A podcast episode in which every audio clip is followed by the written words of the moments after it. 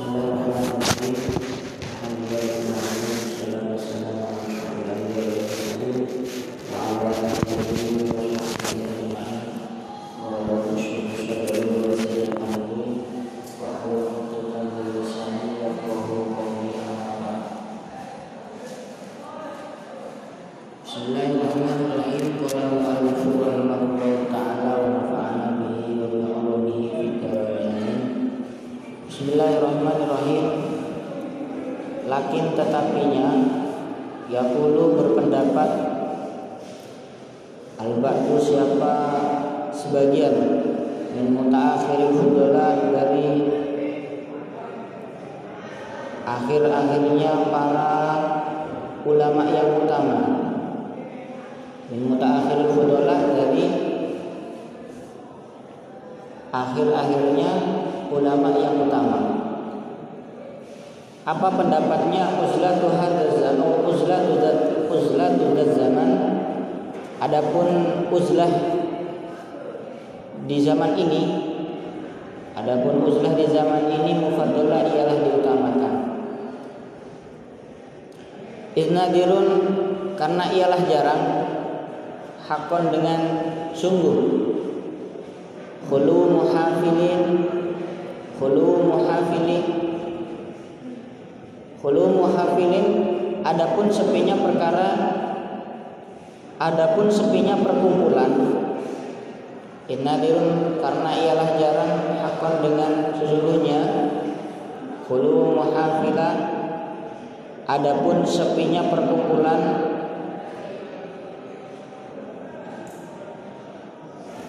anhaubatin dari dosa.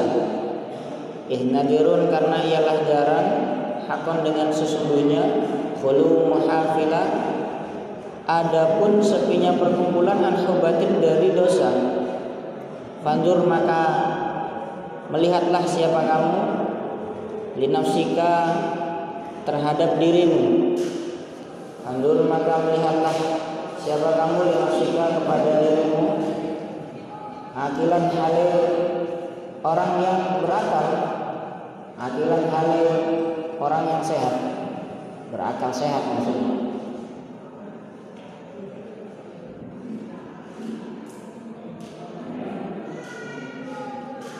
Kulul ma'asi adapun setiap maksiat-maksiat kulul ma'asi adapun setiap maksiat-maksiat karyai seperti riak wa kahibatin dan seperti gibah merumpi diskusi ilegal ya. Gibah itu diskusi ilegal. Au nahwi atau sesamanya riak wal gibah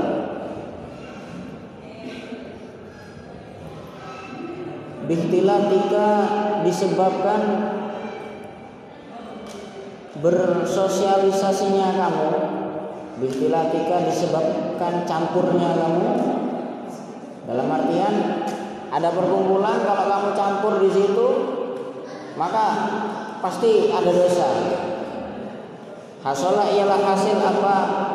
Kulul ma'asi atau ria Kulul hasolah ialah hasil apa? Kulul ma'asi. Kemarin kita sudah menyinggung tentang uzlah. Uzlah menyendiri atau menjauhi keramaian. Uzlah bahwa al-bu'du anil khalq menjauhi dari keramaian, menjauhi manusia-manusia. Dalam artian apa? Menjauhi manusia ini bukan berarti kita sombong, tapi memang kita ingin at-takhallus anil ya, at-takhallus bil ibadah. Kemarin yang dijelaskan oleh Imam Ghazali uh, yang saya jelaskan ada enam setidaknya manfaat uzlah ada manfaat uzlah ada enam. Kemudian sekarang Syekh Zainuddin Al-Malibari memberikan kita e, nasihat lagi. Ini yang kemarin yang sudah dimakna wal ikhtilatu binasina fi jamihi wa jama'atin aw nahwi dzalika Kemarin kalau misalnya kita khauful wuku' bi syubhatin aw fi haramin atau juga kita uh, idza fasada zaman aw khafa min fitanin ini maka lebih baik uzlah uzlah menyendiri kemudian kita tafakur Allah. Dalam artian dalam tanda kutip kita bukan uzlah-uzlah yang uh, sombong ya dalam artian seperti kalau kalian mungkin sekarang uzlahnya dengan cara ngegame game ngafe gitu ada Nah terus gimana sekarang konsep yang diberikan oleh Syekh Zainuddin Al Malibari apa ini kita kalau sosialisasi gimana? Kalau kita berteman gimana? Bermasyarakat gimana? Wal ikhtilatu binasina fi jami'i wal jama'atin aw nahwu dzalika Kadang-kadang kita berteman, sosialisasi, bermasyarakat, gabung-gabung, ngumpul itu ada manfaatnya, bahkan lebih utama gitu. Kapan itu? Hada liman bil urfi yang dulu yang jiru murah wa anil kiri kot naha mutahamilah. Jadi kalau misalnya kamu mampu untuk amar ma'ruf nahi munkar, misalnya ada perkumpulan, ada jamaah, kalau kamu ngumpul di situ tiba-tiba kemungkaran hilang, kemungkarannya berhenti, maka campur dulu, ikhtilaf kamu. Ini bisa jadi wajib kalau seperti ini. Kalau nggak kamu misalnya, kalau nggak kamu yang ngumpul, kemungkaran nggak mau hilang. Maka kamu wajib kayak gini. Amar ma'ruf nahi mungkar. Tapi kalau enggak, ya jangan. Apalagi sampai terbawa arus. Makanya anak muda sekarang ini sulitnya apa? E, jiwa yang masih labil kadang terbawa arus kepada kecepatan zaman Kecepatan zaman yang begitu cepat akhirnya kita terbawa arus akhlaknya ya. mana yang tadinya kita itu akhlaknya di santri di tempat ya, ya apa rambutnya dikontrol bajunya di ini akhirnya kita ketika pulang pakai celana sobek-sobek kemudian kalau nggak moha kalau nggak setikan nggak mau cukur nah ini kan sebenarnya tradisi salah yang kita terbawa di situ Makanya kalau kamu misalnya katanya Rasulullah gimana? Khairun nas linnas. Orang yang paling terbaik, orang terbaik adalah orang yang paling bermanfaat bagi orang lain. Sehingga maksudnya manfaatnya gimana? Kamu kalau bisa di situ alam munkar. Gitu loh. Makanya kalau seperti ini maka kamu sudah taraf wajib untuk intilah dalam artian kamu boleh berteman. Misalnya orang kalau misalnya ada perkumpulan kalau nggak kalau ada kamu tiba-tiba semuanya mau belajar, kamu ajak belajar. Gitu. Santri kan belajar, kamu ajak misalnya beribadah. Nah maka seperti ini kamu bagus.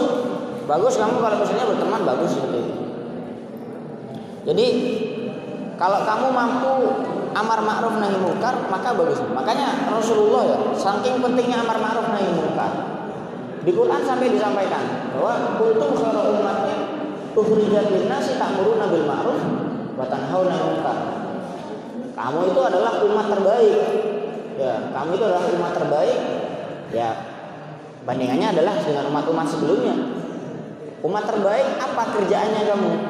Tak muru nabil ma'ruf wa tanhauna 'anil kerjaannya kamu itu mengajak pada baikan kemudian melarang pada kemungkaran.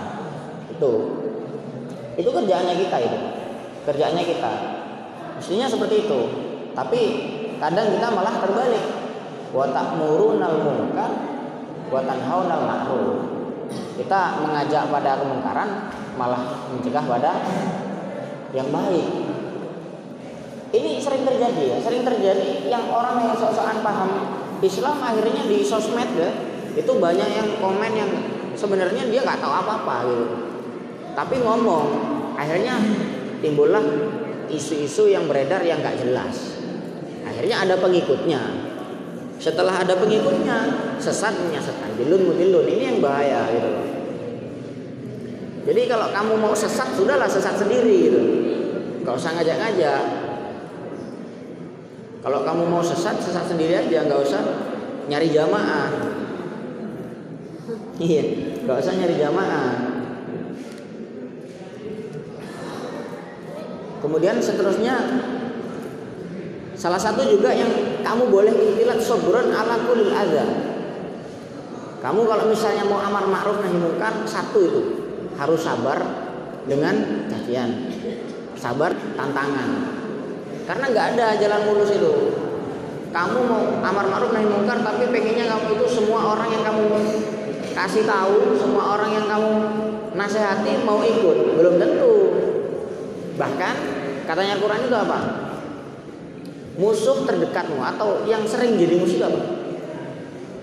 Anakmu, kemudian istrimu. Itu bisa jadi musuh. Dalam artian apa? Ini tidak mesti anak atau istri. Dalam artian orang yang paling menentang dengan dakwahmu siapa? Adalah siapa?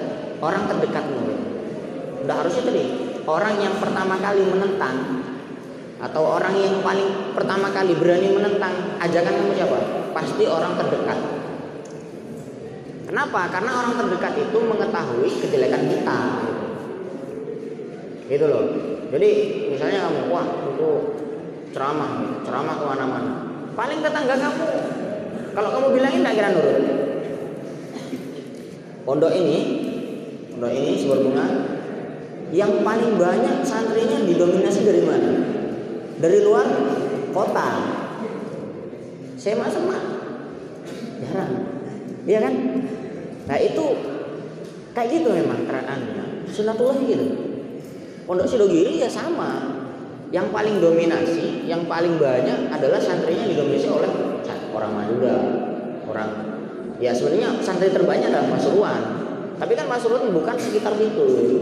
Yang sekitar situ itu mondok itu jarang. Jangankan mondok, sekolah jarang. Sekolah Sidogiri jarang. Adanya sekolah ke SMA, SMK. Itu pondok sekelas Sidogiri yang sudah terkenal ya. Maksudnya dalam artian uh, istifadahnya banyak yang mengambil dari situ. Itu masih kurang dipercaya oleh masyarakat sekitar. Makanya pertama kali yang biasa menentang dakwah itu orang terdekat. Orang terdekat biasanya. Rasulullah ketika dakwah yang menentang orang siapa? Paman beliau orang terdekat. Ya meskipun Sayyidah Khadijah uh, menerima ya kan?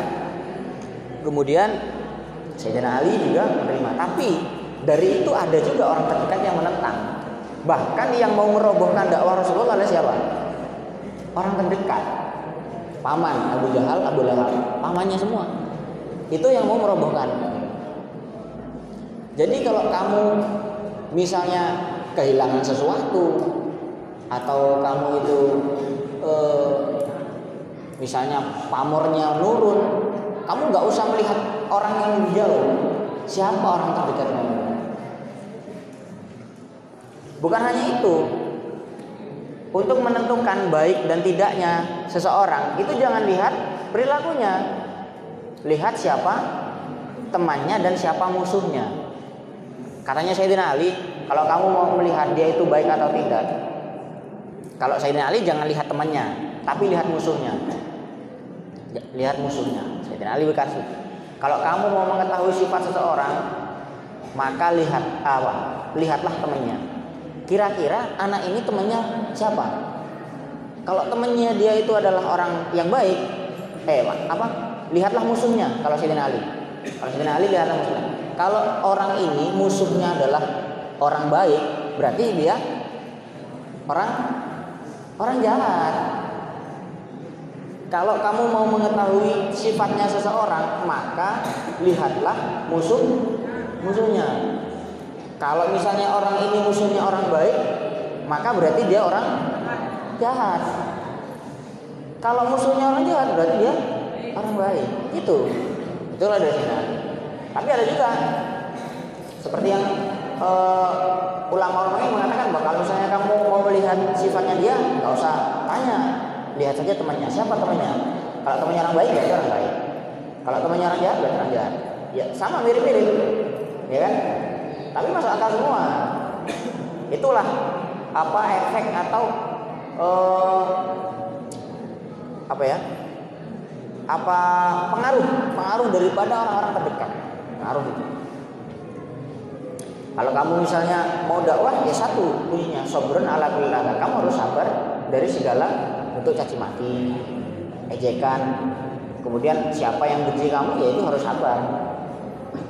Kemudian juga kamu kalau misalnya mau berkumpul ya mau ngumpul mau ngegeng ya mau apa belajar ngumpul-ngumpul mau mayoran gitu sekiranya layah libut fi ini isyanuhu tahafila sekiranya kamu kalau ngumpul di situ dalam hati kamu dalam sangkaan kamu itu kalau kamu di situ kamu nggak berbuat maksiat kenapa karena muhafil perkumpulan itu adalah penyebab pertama kemaksiatan.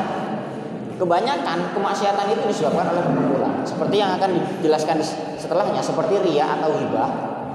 Itu nggak ada ceritanya hibah atau ria itu sendirian. Iya kan? Kamu kalau ria sendirian mau ria ke siapa? Mau hibah hibah sendirian? Nggak mungkin. Pasti kalau mau hibah, mau ria, mau sombong, pasti ada lawan bicara dan itu perkumpulan namanya makanya perkumpulan itu bisa jadi penyebab utama terjadi apa sebuah dosa gitu ya jadi kumpulan. Makanya yang tadi yang kemarin yang pertama kali dianjurkan adalah uzlah. Kemudian sekarang gimana kalau misalnya kamu bisa berteman atau bisa bersosial bisa bermasyarakat bisa eh, apa namanya kumpul-kumpul? Ya ini kamu ikhtilat ini bagus kalau misalnya kamu bisa amar ma'ruf nahi kalau misalnya kita hanya bisa amar ma'ruf pak ya nggak apa-apa kalau misalnya kita bisanya nahi munkar nggak amar nggak apa-apa. Kalau kamu amar ma'ruf eh, kalau kamu amar ma'ruf berarti kamu NU karena NU cuman biasanya cuma ngajak ngajak kan ngajak tahlilan ngajak salawatan gitu kan. Tapi kalau ada Eh, klub-klub, ada klub malam, ada geng-gengan, ada uh, apa namanya kafe-kafe, dia nggak terlalu peduli gitu kan ya. Ada bar-bar apa, ada konser, ya kan? Dia nggak terlalu nggak terlalu peduli kalau dalam artian dia nggak terlalu menekankan amar uh, nahi munkar. Tapi kalau kamu mau nahi munkar kayak FPI misalnya, ya itu tempat-tempat klub-klub malam didatengin semua diambil birnya dibuang gitu kan amar ma'ruf nah eh kalau itu nahi mungkarnya keras betul ya terserah kamu gimana lah kalau seperti itu kamu boleh mau bercampur makanya di fikih itu di fikih itu ketika kamu dapat undangan untuk menghadiri walimah pertama hukumnya adalah wah wajib tapi ketika ada kemungkaran maka ini hukumnya tafsil kalau kamu bisa merubah kemungkaran itu maka kamu wah wajib. Kalau kamu misalnya tidak bisa merubah maka hukumnya haram. Gara-gara ada kemungkaran misalnya kamu diundang walimah tapi di sana ada istilah, ada gambar-gambar e, hewan karena untuk diagungkan. Loh makanya ini kayak ini ada kemungkaran sehingga amar ma'ruf nahi munkar ini berlaku. Kalau misalnya kamu bisa e, merubah kemungkaran tersebut maka boleh kamu datang ke situ. Kalau enggak jangan. Nah, ini makanya ini mirip-mirip seperti itu konsepnya. Kemudian selain itu tapi ada dari sebagian mutaakhirin, ulama mutaakhirin. Mutaakhirin berarti yang bagian akhir-akhir ya. Lakin yaqulul ba'du min mutaakhiril fudala uzlatu zaman mufaddalah. Sebagian ulama mutaakhirin mengatakan kalau misalnya uzlah di zaman ini ini lebih diutamakan. Kenapa? Lima zakaro lima dzikra anal ikhtilaf di ajli jam'i wal jama'at mufaddalun alal uzlah bil bil qaidain. Karena ketika kamu itu mau ikhtilaf atau kamu mau bermasyarakat itu lebih diutamakan daripada uzlah ada dua koid setidaknya katanya ada dua poin. Apa poinnya tadi? Satu bisa amar ma'ruf nahi mungkar. Yang kedua, la yahlibu fi dzonihi isyanuhu. Kan itu ya. Lah sekarang sedangkan sekarang innahu fi hadzal zaman al uzlatu mufaddalatul mutlaqah. Bahwa ini uzlah sebenarnya sangat diterapkan kalau zaman-zaman udah kayak gini. Karena mengikuti kaidah yang awal idza fasada zaman au khafa min fitanin dain maka lebih baik Islam. Nah, kamu misalnya hatinya e, nggak e, karuan, ya lebih baik kamu udahlah berhenti aja Islam aja gitu. uzlah kamu beribadah kepada tahanus kepada Allah kenapa seperti itu? Karena katanya min mutaakhiril fudola walaupun kamu itu berkumpul di uh, perkumpulan kebaikan dalam artian misalnya ada majelis zikir, majelis sholawat, majelis pengajian kalau sudah zaman sekarang ini sulit. Sulit terhindar daripada uh, apa? Dosa itu. Sulit terhindar daripada kemungkaran. Sehingga menurut mutakhirul fudola lebih baik sekarang ini uzlah tapi ini bagi salik-salik ya. Kalau kamu jangan uzlah. Kamu uzlahnya itu uzlah di perpus saja. Uzlahnya di masjid. Jangan uzlah di sungai. Ngapain kamu uzlah di sungai? Uzlahnya di sini di perpus ya baca kitab, uzlah kamu menyendiri. Uzlahnya di masjid, dikir, itikaf gitu kan. Uzlahnya di mana? Uzlahnya di kantin. Di kantin beli jihu uzlah kamu. Nggak mau bagi-bagi. Uzlahnya di sungai. Ya kurang lah seperti itu. Dalam artian kamu kan statusnya santri ya. Mestinya belajar ya. Ibadah gitu. jangan uzlah di kantin. Tapi menurut kaul muhtar fi zaman ya tetap ya tafsil aja gitu. Kalau menurut kaul muhtar yang tafsir aja lah diperinci kalau misalnya dia itu bisa menerapkan yang tadi dua syarat yang ditentukan ulama ya sudah nggak apa-apa. Dia bersosialisasi saja atau bermasyarakat. Tapi kalau misalnya tidak ya sudahlah kamu untuk sekarang kamu lebih baik untuk menyendiri dulu. Kemudian kalau kamu sudah bisa amar ma'ruf nahi munkar kemudian tidak e, dalam sangkaannya kamu tidak akan buat maksiat ketika terjadi berkumpulan ya sudah nggak apa-apa. Kamu sudah dulu atau kamu ikhtilat seperti karena ini ya ini alasannya ulama mutakhirin mengatakan bahwa uh, uzlah fi zaman adalah afdol. Ini idnadirun haqqan khulul muhafil an hubatin fandur nafsika aqila. Karena untuk zaman sekarang itu jarang sekali sebuah perkumpulan yang lepas daripada kesalahan atau dosa. Jarang sekali untuk zaman ini. Ini zaman ketika mualifnya ini mengarang kitab. Bukan zaman sekarang yang kita bicarakan. Apalagi zaman sekarang. Apalagi zaman sekarang. Makanya banyak uh, apa namanya seperti Gus Wahab mengatakan bahwa zaman sekarang ini tidur saja bisa jadi ibadah. Tidur saja bisa jadi ibadah. Dengan niatan supaya tidak melakukan masih masih ya. Dengan cara itu tidur itu tidur nggak ngapa-ngapain. Tidur bahkan kamu tidur kadang junub juga gitu kan. Itu bisa jadi ibadah gitu loh. Gara-gara kamu meninggalkan maksiat. Tapi jangan banyak banyak tidur. Nanti kamu wah itu kemarin ada pengajian mengatakan tidur bisa jadi ibadah. Saya tidur terus lah nggak pernah belajar. Ya jangan. Jangan juga. Ini kan apa namanya perbandingan ya perbandingan antara ya zaman sekarang ini. Zaman sekarang sudah seperti ini. Dalam artian tidur saja bisa jadi ibadah gitu. Sudah sangat rusaknya zaman gitu. Sehingga tidur saja bisa lebih baik daripada bangun gitu. Padahal bangun itu bisa jadi ibadah bisa jadi ini bisa jadi itu bisa jadi kebaikan. Tapi lebih baik tidur kalau misalnya bisa berbuat maksiat kemudian ini ya Inna dirun hakun ful muhafil an hubatin fandul nafsika. Ini kalau kamu nggak percaya katanya, fandur li nafsika. Maka lihatlah dirimu sekarang. Lihatlah dirimu secara akal sehat gitu loh. Lihatlah dirimu sekarang ini secara akal sehat. Kira-kira kamu ini seperti apa? Katanya Hikam mengatakan kalau kamu ingin mengetahui dirimu itu seperti apa kebaikanmu, maka lihatlah kamu itu dikumpulkan dengan siapa. Iya, kalau kamu ingin melihat kadar kebaikan kamu atau kadar e, sifat kamu, maka lihatlah dirimu. Kamu sekarang ini dikumpulkan dengan siapa? Kalau kamu sekarang ini dikumpulkan dengan orang-orang yang baik, berarti kamu orang yang baik. Kalau kamu sekarang dikumpulkan dengan orang-orang yang tidak baik, berarti kamu tidak baik. Itu katanya hikam seperti itu. Fandur ila nafsika akilah kamu berpikir aja lah kamu itu sekarang ya kita ini loh kita Ini fandur dinafsika maksudnya saya juga. Gitu. Kalau kamu ingin melihat kadar kebaikan atau kamu ini sebenarnya orangnya gimana, maka kamu tinggal lihat saja orang-orang di sekelilingmu. Ya makanya kita patut bersyukur sekeliling kita ini mas saya, sekeliling kita santri.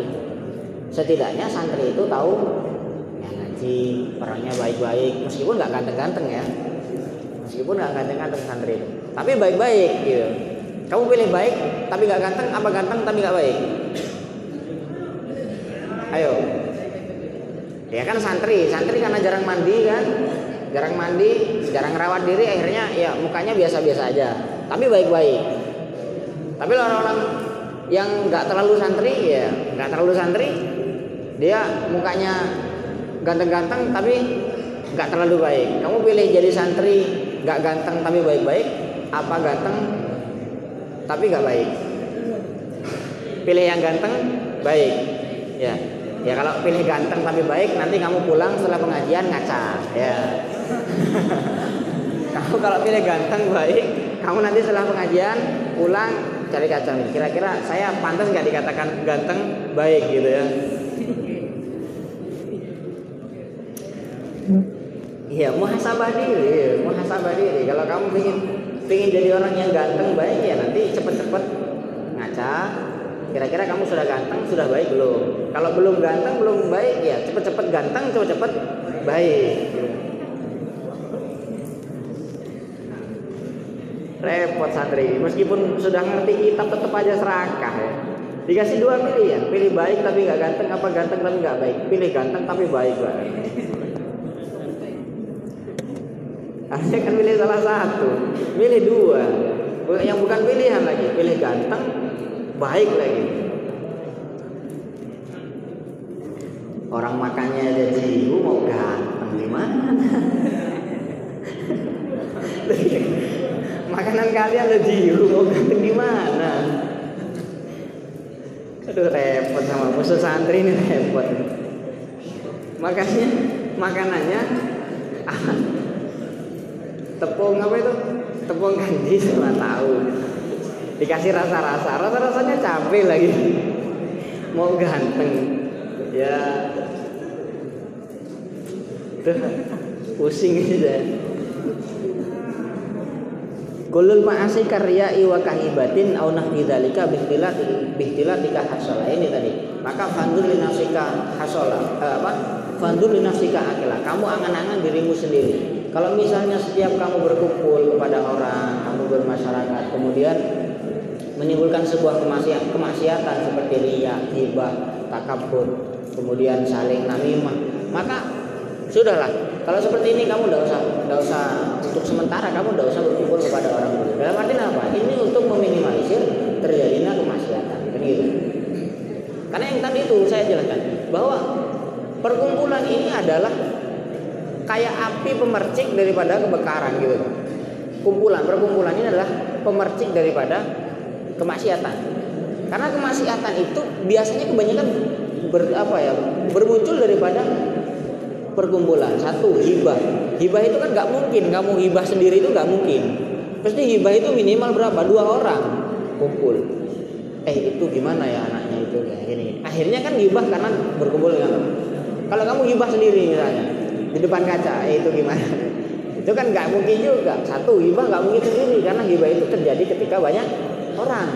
Kedua riak. Kamu riak sendiri. Riak ke siapa? Kemudian namimah. Namimah ini adu domba. Adu domba sendiri, nggak bisa terjadi juga. Takabur, mau sombong, sombong ke siapa? Kalau sendiri. Makanya dari perkumpulan ini timbul-timbul hati yang kurang baik. Hati yang baik sehingga menimbulkan uh, kemaksiatan. Nah kalau seperti ini hatinya belum bisa ditekan, maka lebih baik kita uzlah dalam artian kita menata diri, menata hati, kemudian nanti kalau misalnya sudah bisa amar ma'ruf nahi munkar, kemudian e, kemaksiatan-kemaksiatan sudah bisa ditekan, maka bolehlah kita itu e, berkumpul dengan masyarakat, kita bermasyarakat. Makanya santri dari sekarang itu ditempa orangnya. Kita itu ditempa untuk menjadi orang baik. Sehingga nanti ketika kita pulang, kita diterjunkan ke masyarakat, kita sudah bisa menerapkan itu. Menerapkan amar ma'ruf nahi munkar, kemudian sekiranya kamu tidak mendominasi kemaksiatan di masyarakat gitu loh. Jangan malah kamu yang mewarnai kemaksiatan di dalam masyarakat. Mestinya kamu yang menekan gitu kamu mengadakan tahlil kamu mengadakan majelis selawat majelis zikir majelis hataman. Lah kamu malah misalnya mengadakan konser ya. Ya yang diundang biduan ini. Ada yes nggak nggak matok lah nggak cocok gitu. Santri malah apa bikin konser. Makanya dari sekarang kalian ditempa supaya perangai kalian basic daripada kalian itu baik gitu. Sehingga nanti ketika kamu diterjunkan di masyarakat kamu mewarnai masyarakat bukan diwarnai masyarakat. Santri yang bagus ya, ya seperti itu. Makanya kita selalu berdoa semoga dapat ilmu manfaat. Barokah. Ilmu manfaat gimana? Ilmu manfaat itu ya bisa dimanfaatkan pada orang lain diajarkan. Sedikit barokah manfaat lebih baik daripada banyak yang sia-sia nggak manfaat barokah barokah. Gitu loh. Tapi banyak manfaat barokah lebih baik daripada sedikit nggak barokah nggak manfaat. Lebih baik ilmunya banyak manfaat barokah. Daripada ilmunya sedikit tidak manfaat tidak barokah. Sedikit saya nggak manfaat nggak barokah. Lebih baik banyak manfaat barokah. Kembali lagi kamu nanti pulang dari pengajian ngacar.